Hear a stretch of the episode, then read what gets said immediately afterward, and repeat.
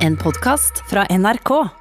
Hei, mitt navn er Fredrik Solvang. Jeg er programleder i Debatten på NRK1. Det du skal få høre nå, er den aller første utgaven av Debatten som podkast. Og Foranledningen for denne sendingen var litt eh, spesiell. Det var påskeuke, og i utgangspunktet hadde vi lagt opp til at debatten skulle på lufta onsdag 8. april. Eh, for det var da regjeringen hadde varslet at den skulle fortelle om de strenge koronatiltakene blir videreført. Men så tirsdag morgen begynte ryktene å svirre om at det kom en avklaring allerede tirsdag. Og etter hvert ble det innkalt til pressekonferanse med Erna Solberg klokka 16. Så vi flyttet debatten fra onsdag til tirsdag, men det betød også at vi egentlig bare hadde ja, en fire timer på oss til å researche, invitere gjester og forberede sendingen. Og da det ble klart at regjeringen forsiktig ville begynne å lette på noen tiltak, gjorde ja, vi gjorde det en debattredaksjon skal gjøre. Vi begynte å ringe rundt og undersøkte om det fantes kritikere til strategien, men det viste seg at de fleste organisasjonene og instansene ikke var helt klare til å formulere tydelig kritikk allerede da. Så denne utgaven av debatten er forsøksvis delt inn i tre deler. Først forsøker jeg å få svar på hvilket grunnlag myndighetene har for å fastslå at det er trygt å la barna komme tilbake til barnehage og skole. Det neste hovedspørsmålet redaksjonen forsøker å belyse, er hvordan man kan vite at det er forsvarlig å åpne f.eks. frisører og fysioterapeuter når man ikke vet nøyaktig hvilke smitteverntiltak som faktisk har fungert. Og til slutt hører vi en immunolog som etter å ha studert koronaviruset har funnet ut at det er så skummelt at hun absolutt ikke vil ha det. I løpet av sendingen hører du statsminister Erna Solberg, kunnskapsminister Guri Melby, helsedirektør Bjørn Gullvåg, Folkehelseinstituttdirektør Camilla Stoltenberg, næringsminister Iselin Nybø, virkedirektør Ivar Horneland Christensen og immunolog Anne Spurkeland.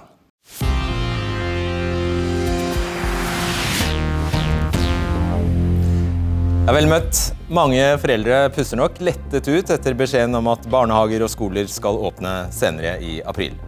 Men mange sitter nok også og lurer på om alle lekene til en toåring som han, han eller hun putter i munnen, skal desinfiseres etter bruk. Og ikke minst, kan kommuner som fortsatt har mye smitte 27.4, velge å holde skolene stengt? Velkommen, statsminister. Takk. Hva vil du si til småbarnsforeldre som har fått med seg at barn kan være asymptomatiske, eh, men likevel være smittsomme? Hva vil du si til barnehageansatte som ja, kan være alene med ti, av, eh, ti små barn av, eh, av gangen, som putter ting i munnen, som kaster mat rundt seg? Hva vil du si til lærere som ikke forstår hvem, hvem det er som skal vaske hele skolen etter en dag? Hva vil du si til disse? At det viktigste vi gjør nå, er faktisk å sette ned faggrupper som skal gå gjennom disse smittevernreglene. Hvordan vi skal praktisk gjennomføre de i barnehager, på skole. Sånn at de som er praktikere, sammen med de som er smittevernseksperter, ser på hvordan kan du faktisk få en barnehage til å fungere med så gode smittevernregler som, som det er mulig. Og ja, det vil være sånn at du det, det, kan være at barn putter ting i munnen, det gjør de ofte.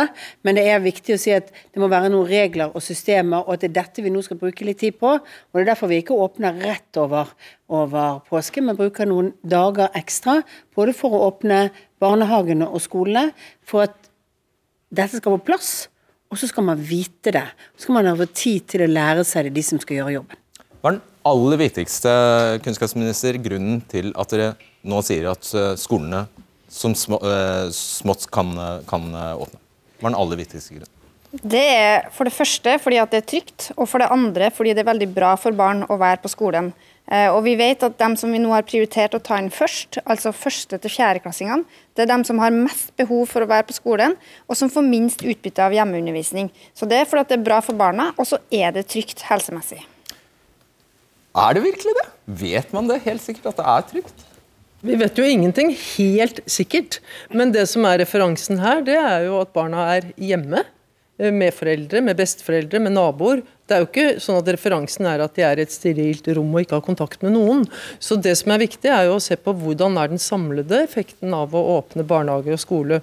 Og der er det ikke grunn i dag til å tro at det trenger å være dårligere når det gjelder smittespredning, enn det som er situasjonen nå. Så poenget er jo, som eh, begge de foregående talerne har sagt, vi må gjøre det på en måte som fungerer smittevernmessig, og det vil vi se på nå gjennom påsken. Hvordan kan man vite at uh, Dere skriver jo Hvordan kan man vite at barn ikke er større smittebærere enn uh, det man foreløpig har funnet ut av? Hvordan kan man vite at uh, voksne ikke like lett smittes av barn? Hvordan kan man så igjen vite at voksne ikke da bærer smitten rundt? Vi kan ikke vite det sikkert, men som sagt så er jo referansen det at de er hjemme, og at man finner løsninger hjemme. Og det at det da er argumenter for at de bør være i skolen og i barnehagen både når det gjelder eh, å være i skole og barnehage av andre grunner, men også fordi man kanskje til og med kan få en like god og for en del bedre situasjon når det gjelder smittespredning. Det må være målet her, at man gjør det, gjenåpner skolen og barnehagen slik at det ikke slår ut vesentlig når det gjelder smittespredning.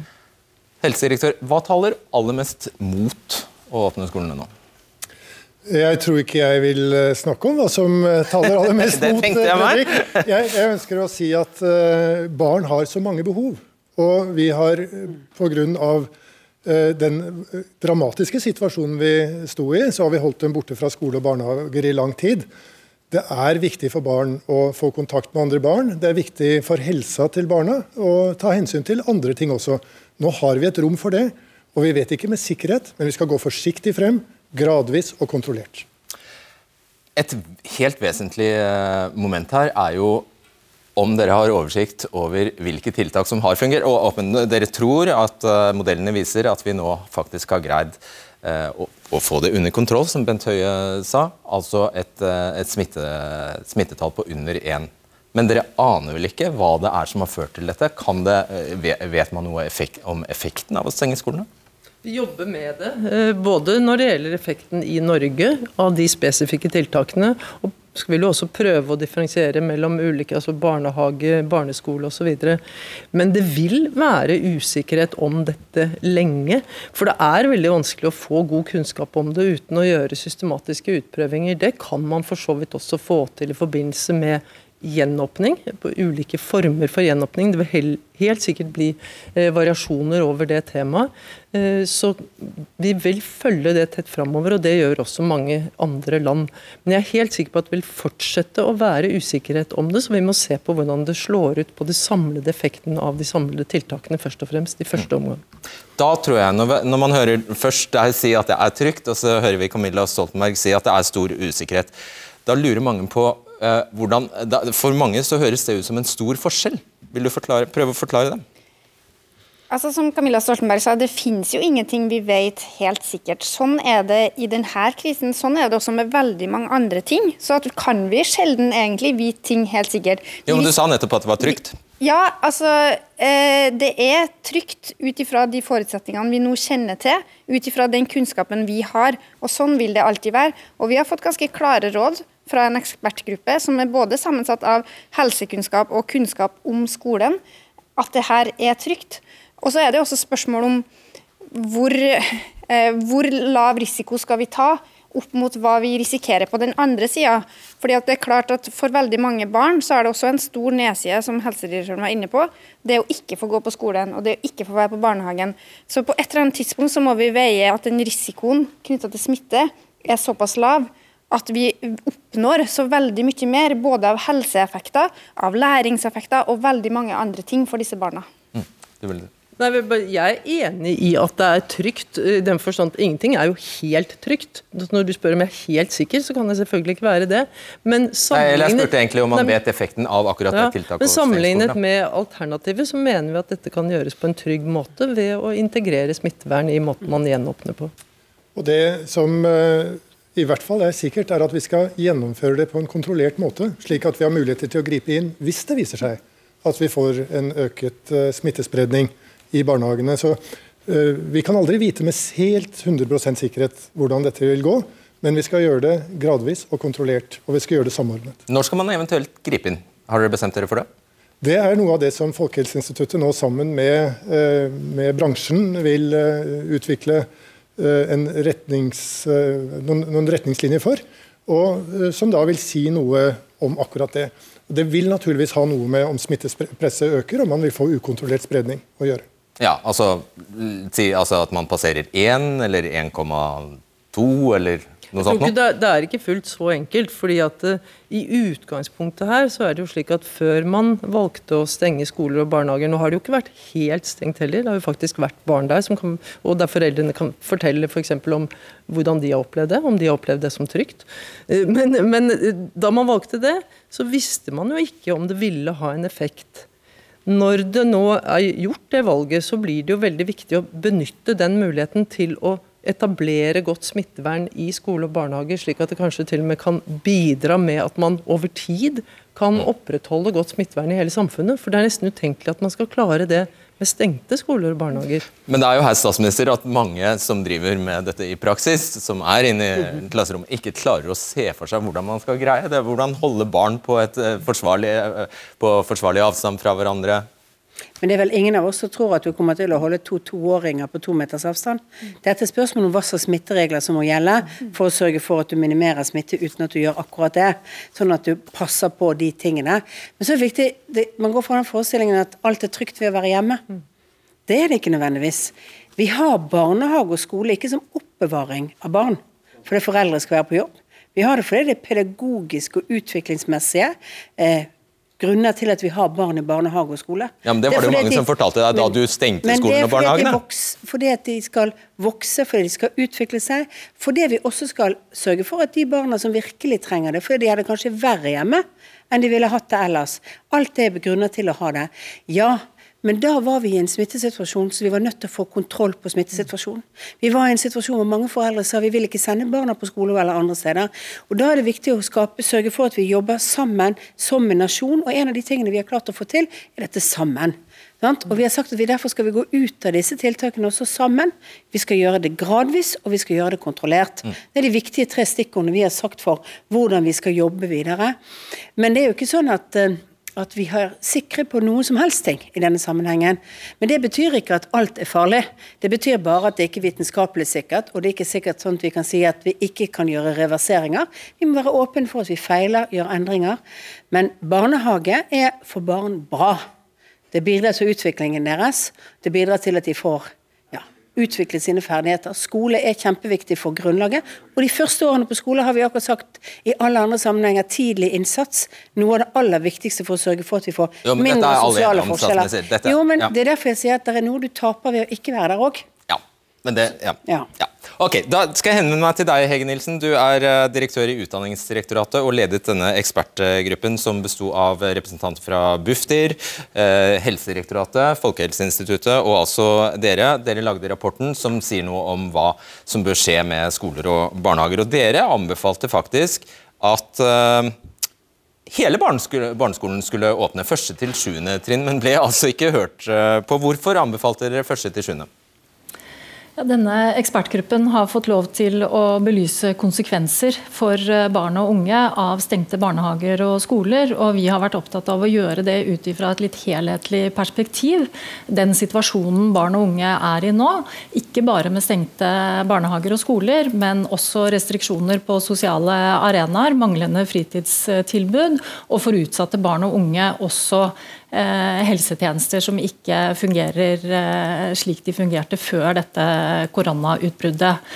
Og Det vi har forsøkt å gjøre fra ekspertgruppen, det er å si at vi må forvente ve en vedvarende situasjon med koronautbrudd i Norge, og at det derfor er viktig at vi leter etter måter å forsvarlig åpne barnehager og skoler.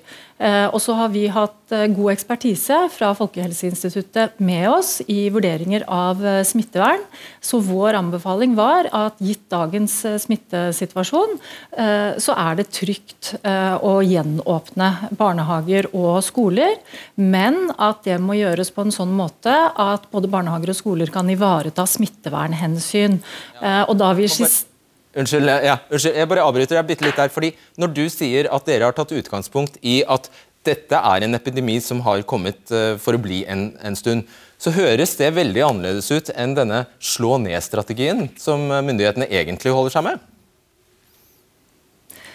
Nei, altså Vi har tatt utgangspunkt i at det vil være antageligvis noe smitte i samfunnet fremover. Og at det derfor er viktig at vi ser på måter å gjenåpne barnehager og skoler på. Eh, og vi har beskrevet da, konsekvenser for barn og unge av eh, vedvarende stengte barnehager og skoler. Og Det har vi fått bidrag fra mange kommuner eh, og skoler og barnehager og organisasjoner til å beskrive konsekvenser av det. Og Vårt poeng er jo, som egentlig tidligere har blitt sagt også i denne sendingen, at det er ikke uten risiko å ha stengte barnehager og skoler. Stengte barnehager og skoler har konsekvenser, og de har de mest dyptgående konsekvensene for de minste barna. Eh, så Derfor har jo vi også anbefalt, eh, hvis det ikke er mulig å praktisk tilrettelegge for å åpne alle trinn, eh, så har vi anbefalt barnehager og, og småskoletrinnet. Men dere foreslo jo faktisk også å åpne dem fra sju dager tidligere, altså en uke før, før det som ble resultatet 20.4. Hvorfor det? Nei, Det vi var opptatt av i ekspertgruppen, var at eh, det må gis tid eh, til å planlegge eh, reåpning av barnehager og skoler, og at det dermed ikke kunne skje rett etter påskeferien. Så Derfor så foreslo vi 20. april, og så har regjeringen gitt anledning til en noe lengre planleggingstid. Ja. Guri Melby, er det sånn, kan du hvis, hvis, det er mulig. Er det sånn at eh, hvis det viser seg at i en kommune likevel er høy smittespredning, eller ikke tilstrekkelig lav smittespredning 27.4, så kan disse kommunene fremdeles holde skolene stengt? Og barnehagen? Vi har sagt at vi ønsker å ha nasjonale regler, eh, sånn at det skal være veldig tydelig for alle hva man har å forholde seg til. Og Mitt inntrykk er også at de fleste kommunene og de fleste skolene ønsker seg nasjonale regler. Men så har vi også sagt det at hvis det er veldig krevende smittesituasjoner i enkelte regioner, eller kanskje også på mindre steder, så må vi jo kunne sette oss ned og diskutere hva som da blir den beste løsninga. Men det vi ønsker da Hva betyr det? Sette seg ned og Nei, for det vi ønsker da er jo at ikke det skal være den enkelte kommune som sitter der og gjør et vedtak som bare skjer på sin kommune isolert men at vi kan snakke sammen og se f.eks. tiltak sammen i en region. Hvis du tenker sånn her i Oslo da, som ett eksempel, så er det jo ikke bare relevant hvordan situasjonen er i Oslo, det er også veldig relevant hvordan situasjonen er i Bærum eller Lillestrøm eller Ski eller andre kommuner som er rundt. Og det er også sånn at Folk som bor her, forholder seg også til alle disse kommunene når man drar på jobb eller i andre sammenhenger. Så Vi mener at vi må sette oss sammen og diskutere hva som da blir den beste løsninga, sånn at det blir en beslutning vi tar sammen med disse okay, kommunene. Får, uansett hvor mye jeg spør nå, så får jeg ikke noe klarere svar enn at vi må sette Jeg mener det er et ganske klart svar. Det er nasjonale myndigheter som tar ansvar her, men vi vil selvsagt diskutere med kommunene for å finne gode løsninger som passer i den kommunen. Hva betyr det å sette seg ned og snakke sammen? Det betyr at vi skal høre på argumentene fra kommunene, så skal staten også være med i det. Og så skal vi se på er vi enige i den vurderingen, og det tror jeg vi klarer å gjøre. Så hvis men, Oslo, men, Oslo meg, insisterer, se, nei, men, at, la, la, oss si Oslo insisterer, hva skjer da? Men husk at utgangspunktet vårt er at vi skal sørge for at vi ikke har et helsevesen som blir overbelastet. At vi skal sørge for at det ikke blir for mange innlagt på intensiver som trenger være, være i liksom de, de vanskeligste situasjonene. Og Det vil vi jo følge tallene godt for. Og Da er det jo sånn at da vil det være naturlig at et område at vi kan være vi kommer i en fremtid hvor vi må ha sterkere tiltak i enkelte områder, for at helsevesenet der begynner å bli overbelastet fordi at tallene blir, blir for store. Og Da er det helt naturlig at staten og kommunene i den området setter seg ned og diskuterer hva, hva, hva gjør vi med dette. Må vi ha sterkere tiltak her, hvis situasjonen alle andre steder er ganske god. Hvis det i en bydel er eh, høy grad av smitte, f.eks., er det da kapasiteten i helsevesenet som utelukkende skal styre det? som Nei, du antyder, være enkelt, nå, Eller er det, det situasjonen der, der, i den bydelen? Da kan det være at enkeltskoler skal stenge, at enkeltområder skal stenge. Det vil også lages regler for hvordan man skal håndtere et utbrudd som er på en enkeltskole eller andre. Det vil jo fortsatt være et kommunalt ansvar å vurdere, men det vil gis veiledning på hvordan det kommunale ansvaret skal gjøres. F.eks. hvis det kommer smitte på én klasse, én gruppe, og hvis det da er mulig, så bør jo ikke hele skolen stenges. Hvis ikke det er sånn at den skolen er laget sånn at alle kan ha vært i kontakt med de som er smittet. Da vil det være karanteneregler som gjelder. Og det er viktig å si at Vi kan gå ned og si at en liste og tro at vi nå har laget en liste hvor vi tikker av alt. Vi arbeider oss gjennom problemstillingene når de kommer. Vi jobber med, med en hovedstrategi fremover som dreier seg om å slå ned og holde nede eh, smitten. Og det kan være, Men samtidig med minst mulig samfunnskostnader for barn og unge, for hele samfunnet vårt for øvrig. Og da må vi se at vi av og til må kanskje justere på disse tiltakene. Så regjeringen har sagt at vi skal vurdere strategien en gang, altså ca. én gang i måneden, fordi det tar lang tid å få tallene. Men at tiltakene kan vi vurdere med 14 dagers intervaller for å se om vi må gjøre justeringer. Enten åpne mer, eller kanskje stramme litt til. Skjønner det. Siste spørsmål til deg, eh, Nilsen. Ja, da, å ja, forsvant du? Ja, ok, da får jeg stille det her, da. Eh, eh, det, det ble ikke sagt noe i dag om eh, ungdomsskolen, eller videregående, universiteter, høyskoler og heller ikke folkehøyskoler. Ja, takk for at jeg får anledning til å si noe om det. Eh, For det første så er det også ei gruppe til vi åpner for 27. april. Og det er elever som går på yrkesfag, og som går på andre klasse og tredje klasse. Ja, sånn var det. De mm. har jo bruk for verksted, fasiliteter og en rekke sånne andre ting. Og Det gjelder også studenter som er i avslutningsfasen på studiene sine, på fagskoler og på høyere utdanning, og som har bruk for en del sånne fasiliteter. F.eks. helsefagstudenter, som vi jo er veldig opptatt av at skal fullføre på en god måte. Og det vi nå skal gjøre, altså Vi har sagt at det er et mål for oss at alle elevene skal tilbake i skolen før vi kommer til sommerferien. Og Det betyr at vi er nødt til å legge en plan for hvordan det skal skje. Det må vi gjøre nasjonalt, men vi må også gjøre det sammen med skolene. Og det er viktig at alle skolene nå forbereder seg på hvordan man kan organisere det dersom alle elevene skal tilbake. Og Da snakker vi både om mellomtrinnet, og vi snakker om ungdomsskolen, og vi snakker også om dem som går på studieretningsfag på videregående. Og når dere skal bidra med råd og, og veiledning i en sånn situasjon, altså f.eks. når det gjelder når ungdomsskolen skal åpne, og ikke minst mellom, mellomtrinnet og, og alt over, eh, hva blir da viktigst? Er det å se på det som faktisk har skjedd med de klassene som det har vært på skolen en stund, eller er det å søke, eh, søke for, eh, forskning? Og finnes det noe forskning? Eh, Jeg leste et sted at det finnes veldig lite empiri på dette med stengning av skolen. Eh, Det blir begge deler. Fordi det vil helt sikkert komme noe mer empiri, men hvor fort det kommer, vet vi ikke.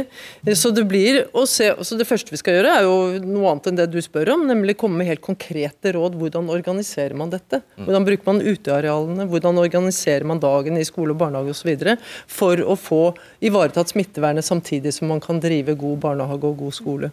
Så Det er det ene. Men det andre er dette med å prøve å skaffe kunnskap i forbindelse med at man gjenåpner, og at man kanskje gjør det på litt ulike måter.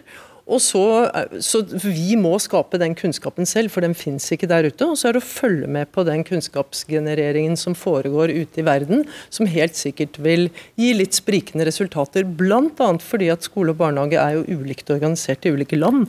Og en viktig del av dette er jo hvordan kommer man seg til skolen og barnehagen, og hvordan er det hjemme. Så vi skal følge med på dette og, og drive forskning selv for å få bedre svar. Jeg leste et forbløffende tall i dag. 90 av verdens elever er nå ikke på skolen. Jeg kan ikke gå for at det er sant, men det er jo helt utrolig dramatisk. Siste, ja. Jeg synes jo Vi skal også ha med oss at norsk skole faktisk har vist en fantastisk omstillingsevne disse ukene. På et halvt døgn så gikk det fra å være en fysisk skole til å bli digitale klasserom. Og selv om ikke alt er optimalt, veldig langt ifra, så har det også gått bedre enn noen av oss tror jeg kunne forvente.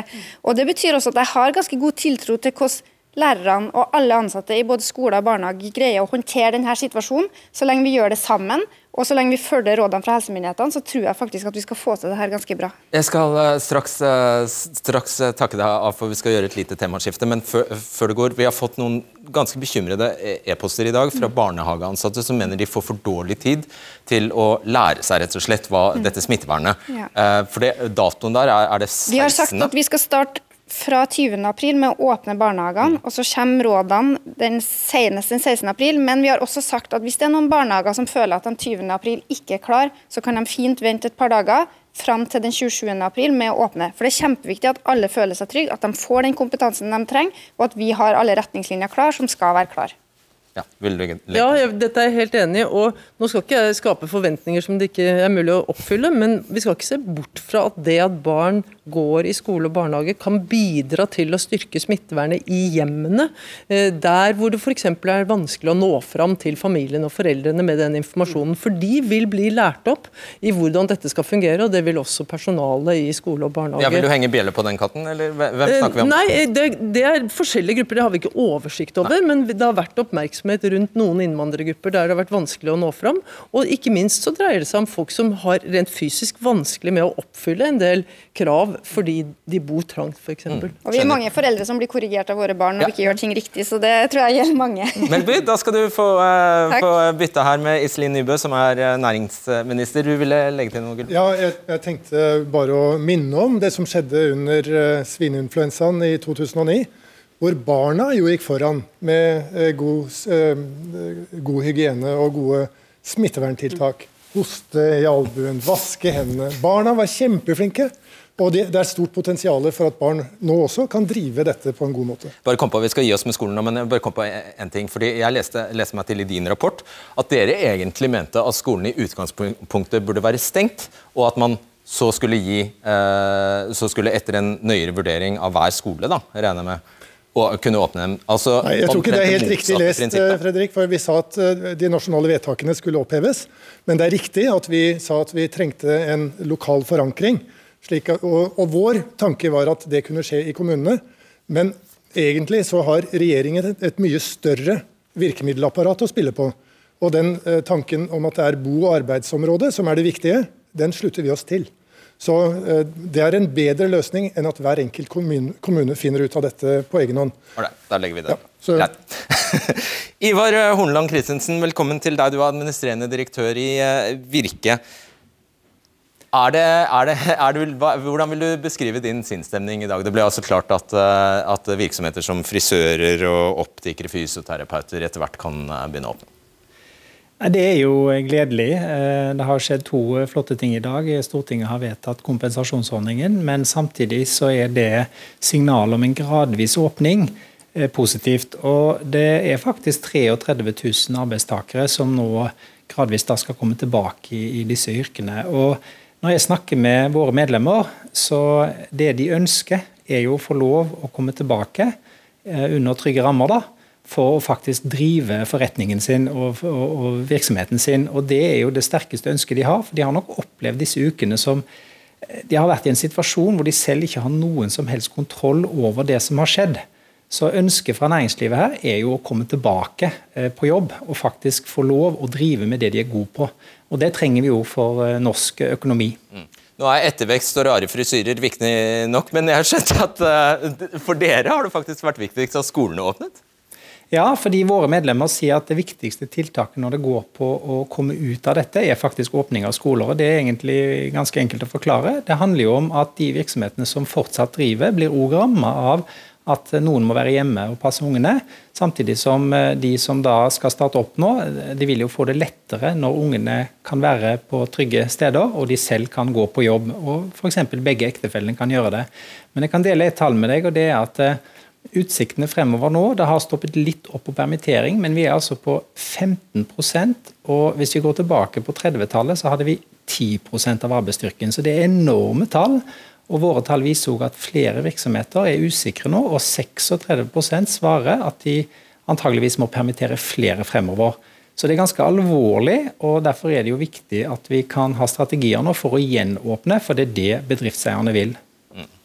Eh, takk foreløpig. Heng på veggen der, Ivar Hornland Christensen, er, er du snill. Iselin Nybø, velkommen til deg.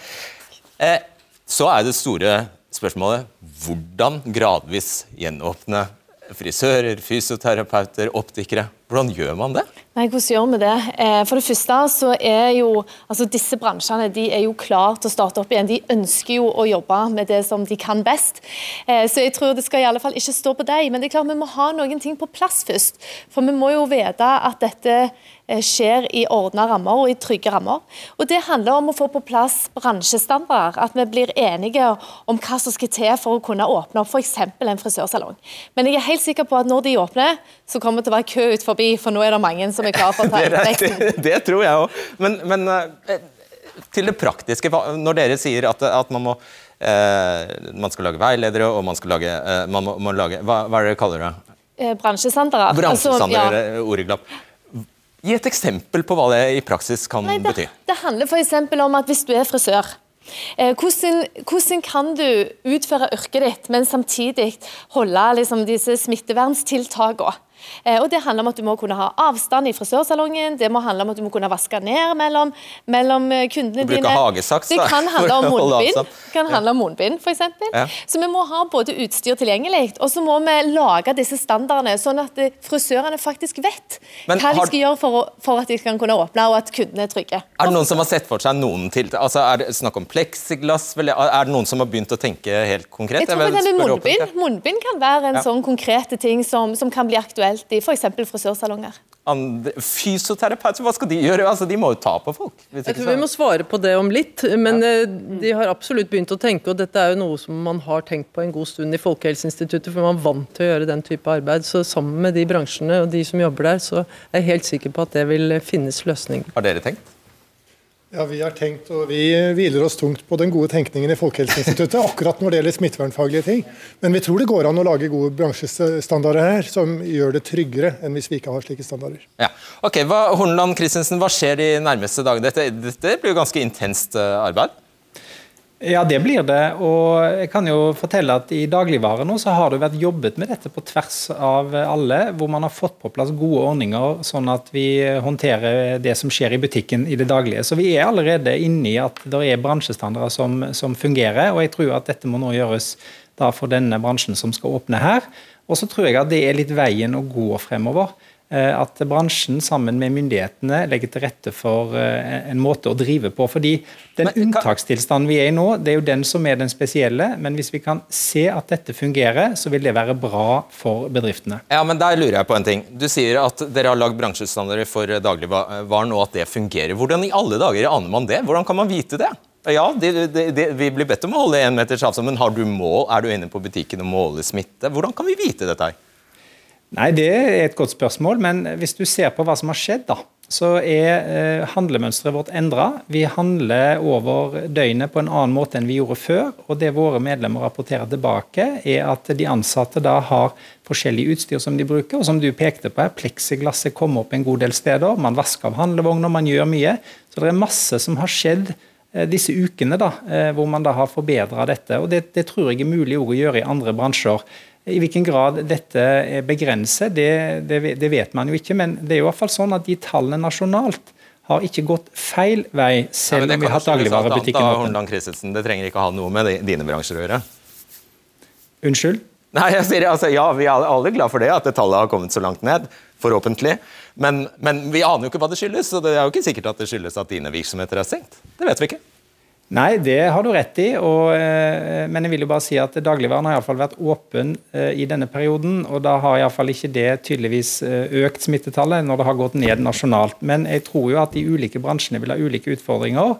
Og kanskje er dette med frisør det enkleste å komme i gang med, fordi der har jo vi alle et hår som skal klippes.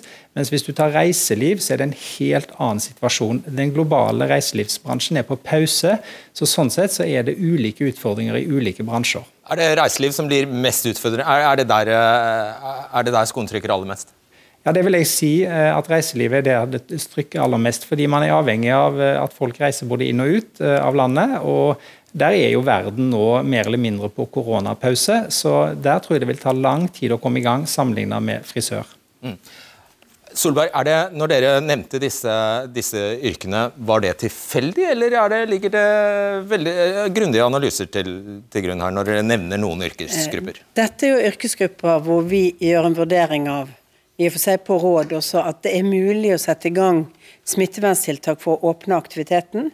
Um, som er sånn som vi kaller én-til-én, altså én behandler, en kunde, sant? hvor det er tett på, men hvor vi stanset absolutt alt til 12. mars, sant? som en sikkerhetsbit. Og Hvis vi har disse standardene på plass, så mener vi at det er mulig å få dette til å fungere. Men det er en veldig grunnleggende ting som må være der. Og det er at alle som har det minste snev av å være syk, ikke går til frisøren. Og, ene, og, ingen frisører går på jobb når de er syke. Altså Vi må ha et mye større vern mot at når du føler deg dårlig, så holder du deg hjemme. At Vi vet jo ikke nå hvordan disse smitteveiene altså Vi vet ikke alle symptomene ennå. Og det er jo veldig viktig for oss at vi har minst mulig av folk som føler seg dårlig på en eller annen måte, bevegende ute i samfunnet for at ikke smitten skal spre seg. Så det er fint med alle andre tiltak, men dette er grunnleggende. Derfor sier jeg at de grunnleggende tingene om at blir du småsyk, så blir du hjemme har en helt annen terskel enn det jeg vanligvis har for å gå på jobb med forkjølelse. Det må vi liksom nå alle praktisere. Og det er liksom der, der må vi altså være rett og slett tante Sofie. For at, eh, disse andre smitteverntiltakene de blir viktige, og de kan sørge for at det ikke er der i den perioden. Men går du på jobb syk, så vet du ikke helt hvilken sykdom du har. Du ga meg egentlig et eh, så godt eh, stikkord der at jeg kan ikke la det eh, være. Fordi Anne Spurkeland, du er immunolog, altså ekspert på immunforsvaret. Studert Beklager, nå tuller jeg. Det, vet du hva? Det, det er Nybø som skal, du skal ta, Jeg skal stille et siste, siste, spørsmål. Er det, Når det kommer til disse yrkene da. Vi har vi har også fått med oss i dag at det er jo ikke alle Nå er det ikke noe yrkespåbud dere legger opp til, selvfølgelig, men det er jo ikke alle som kanskje med stor eh, lyst og iver har lyst til å gjenåpne. Hva er beskjeden til dem? Og Det er jo ikke heller alle der det ligger til rette for å, å få det til så enkelt heller. Men dette handler litt om å holde hjulene i gang i så, så, godt som det lar seg gjøre. Eh, selv om vi skal holde på disse smitteverntiltakene. Og Det handler både om at folk flest har lyst til å gå på jobb, folk flest har lyst til å bidra. Og samfunnet vårt trenger òg å ja, holde hjulene i gang, selv om vi lever i litt spesielle tider. Takk skal du ha. Da skal, jeg, da skal jeg ønske velkommen til Anne Spurkeland, som skal ta din plass, eh, Nybø. Og Du er fremdeles eh, immunolog, Spurkeland, ekspert på immunforsvaret, som det betyr. Og du har eh, studert dette koronaviruset nærmere.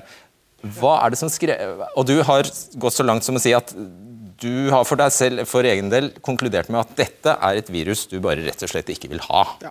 Det, jeg vil ikke ha covid-19. Det har jeg bestemt meg for. Etter at jeg nå har sittet hjemme i hjemmekontor i nesten fire uker, eh, undervist eh, studentene mine på Zoom og journalister på telefon, så har jeg konkludert med at dette vil jeg ikke ha. Uh, og Det er fordi jeg er immunolog, og når jeg leser litteraturen med immunologiske bilder, så er dette et virus som uh, kødder med immunforsvaret. Så, uh, og det tar jeg ikke sjansen på. Altså Jeg vil ikke ha et virus inn i kroppen min som uh, risikerer å forstyrre mitt ellers utmerkede immunforsvar. Uh, når folk kommer på sykehuset og er dårlige, så har de gjerne vært dårlige både én og to uker og følt at nei, nå går det ganske bra, men så poff, så slår det til igjen, og så ligger du kanskje ja, for Det går i bølger, det kan hvile litt, og så kan det bryte ut. Ja, og eh, Dette er jo et virus som er helt nytt for oss, og for meg som immunolog så har jo dette vært veldig spennende uker og for den saks skyld måneder å følge med på. Det er et kjempestort verdensomspennende immunologisk prosjekt som vi som er immunologer bare sitter og ser på og folder seg ut. Alle er en del av det forsøket. Uh, og vi uh, skaffer kunnskap uh, as we speak, og alle er med på kunnskapsutviklingen. Veldig spennende. Men, men, da kan man også se på hva kan vi lære. Jo, vi har, det har vært andre virus. SARS for 17 år siden ligner. Så du kan jo lese hva skjedde da.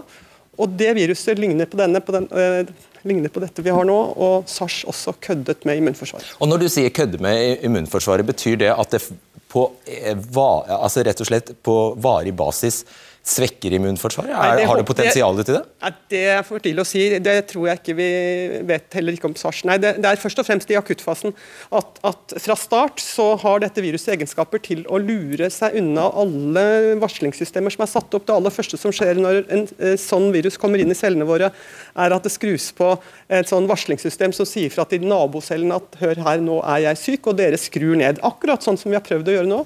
Steng ned, lockdown. Men det varselet tar viruset og kortslutter, så det tar en dag eller kanskje to dager før det kommer på. Og Når det signalet kommer for seint, da er allerede alt sammen forstyrret. Det er som et filharmonisk orkester skal ha en dirigent som kommer litt for seint i gang. Det blir ikke musikk av det. altså. Rett og slett, Det blir kaos. Den tok vi. Ok, Vi skal bare minne om hva um, helse- og omsorgsminister Bent Høie hadde å fortelle oss i går.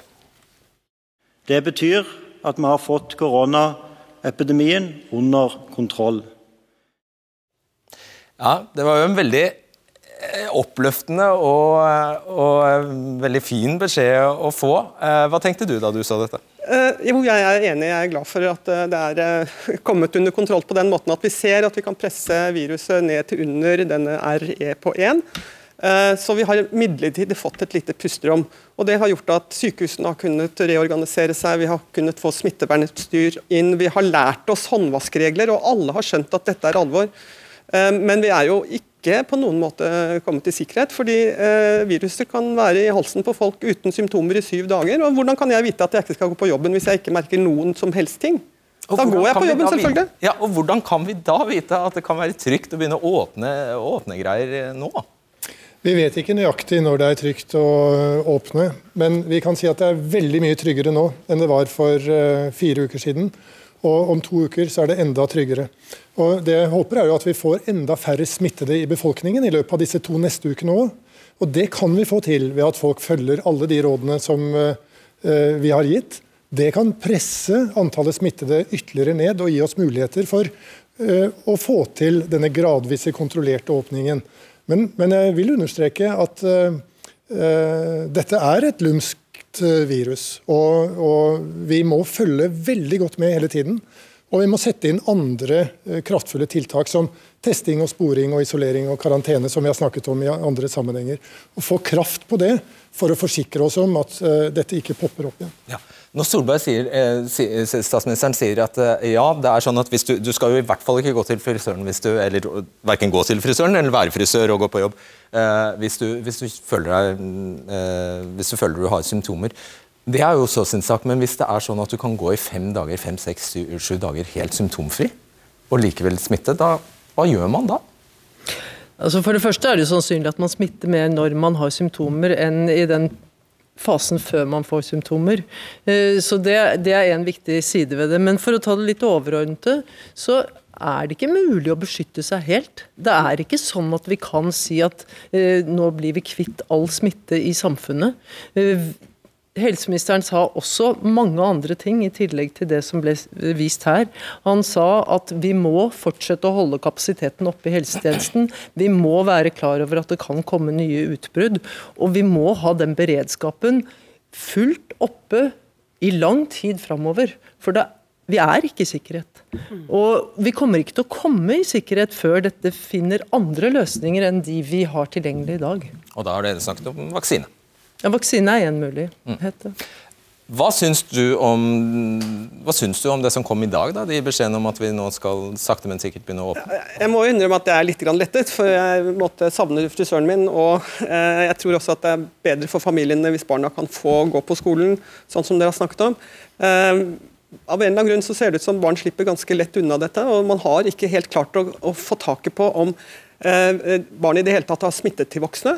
Og man skjønner heller ikke hvorfor de slipper så lett unna. Jeg har snakket med journalister i tre uker og sier at ja, det, det er faktisk sånn at når vi har en helt naiv befolkning, alle er mottagelige, så ser vi at voksne blir dårligere av noe som barn tåler. Vannkopper får du det som voksen, du blir steindårlig. Barn nei, not so much. Så det er litt element av det, men i tillegg kan det kanskje også være andre biologiske egenskaper ved dette viruset som gjør at barn faktisk ikke blir smittet så veldig alvorlig.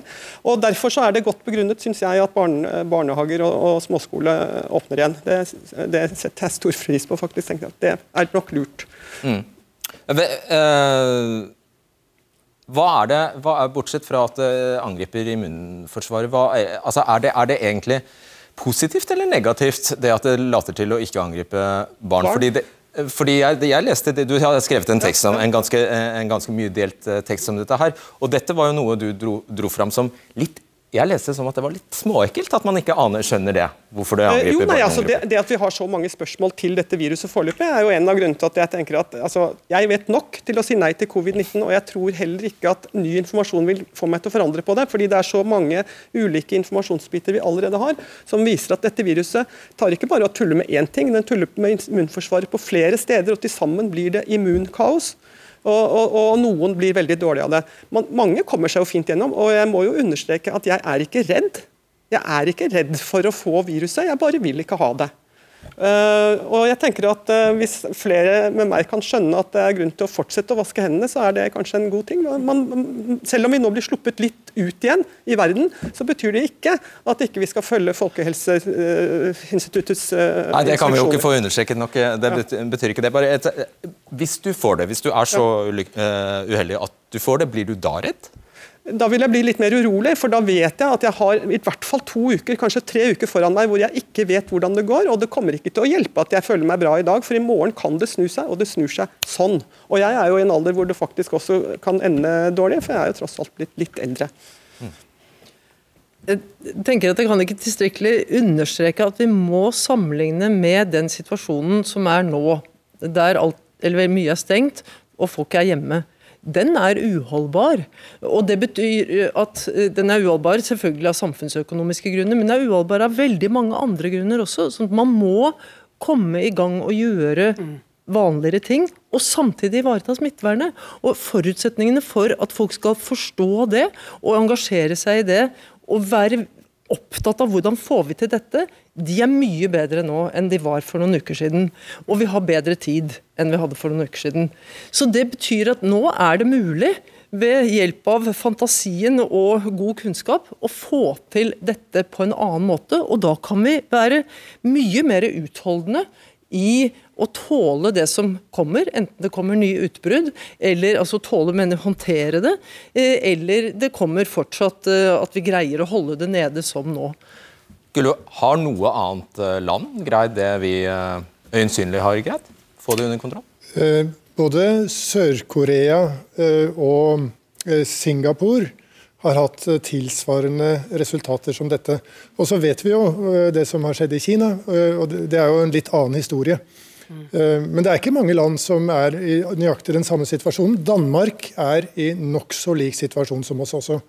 Så de, de har litt høyere eh, totalt antall eh, smittede, antagelig. Og også har hatt litt flere som har hatt alvorlig sykdom og døde. Men, men vi er i en nokså tilsvarende situasjon som danskene. Mm. På tampen her, eh, Jeg tror jo du sitter på en del eh, sikkert masse informasjon du ikke vil meddele oss. Eh, kan du dele den mest positive av den informasjonen du til nå har holdt hemmelig? Om dette? Om Nei, altså det, det, er egentlig de smittetallene som vi har på bordet. Det er jo det som er det mest positive. Så har vi vært veldig opptatt av at vi skal være åpne også om usikkerheten. Men det betyr jo ikke at man skal være veldig mest fokusert på usikkerheten. Man skal faktisk være fokusert på at dette har, dette har vært en vellykket strategi så langt. Men, vi, men den er ikke vellykket hvis ikke vi fortsetter å gjøre det som vi skal for å sørge for at smitten ikke sprer seg. Og Derfor er det vi har sagt at det skal være gradvis åpning, det skal være kontrollert, og vi kan måtte dra tilbake tiltak hvis, ikke, hvis det viser seg at smitten blir større. Men jeg, altså bare ja. si sånn, Som statsminister så er jeg litt opptatt av, av psykologien i hele dette. Vi kan godt si at vi har et ekspertutvalg og Folkehelseinstituttet og alle som gir anbefalinger, men psykologien er at vi skal gå skrittene sammen med folk. Sånn at de også skjønner hvorfor vi gjør det. Hvis vi hadde sittet med veldig gode tall og ikke gjort noe, så tror jeg også at mange hadde blitt veldig utålmodige. Ikke fordi de ikke kunne gå på jobb, men fordi de kanskje da hadde vært litt mer med venner, dratt litt mer på fest i helgene. Kanskje gjort de tingene som, som er mest smittefarlige å gjøre. Så vi må ha med oss den til at vi gjør disse tingene sammen, og så gjør vi det i en kontrollert form. Og så mener jo jeg at vi har flotte fagmyndigheter. De har vært veldig flinke å gi oss gode råd. Og jeg har ingen hemmeligheter som iallfall ikke de Hvis ikke de har holdt noe hemmelig, så har vi ikke holdt noe hemmelig. Har dere noen gode hemmeligheter? Nei, Knutpa, nei. Vi blottstiller oss hele tiden. Ja, ok, det er bra. Jeg ønsker dere alle en riktig god påske. Og så ses vi på andre siden av påske. Ha en velsignet høytid.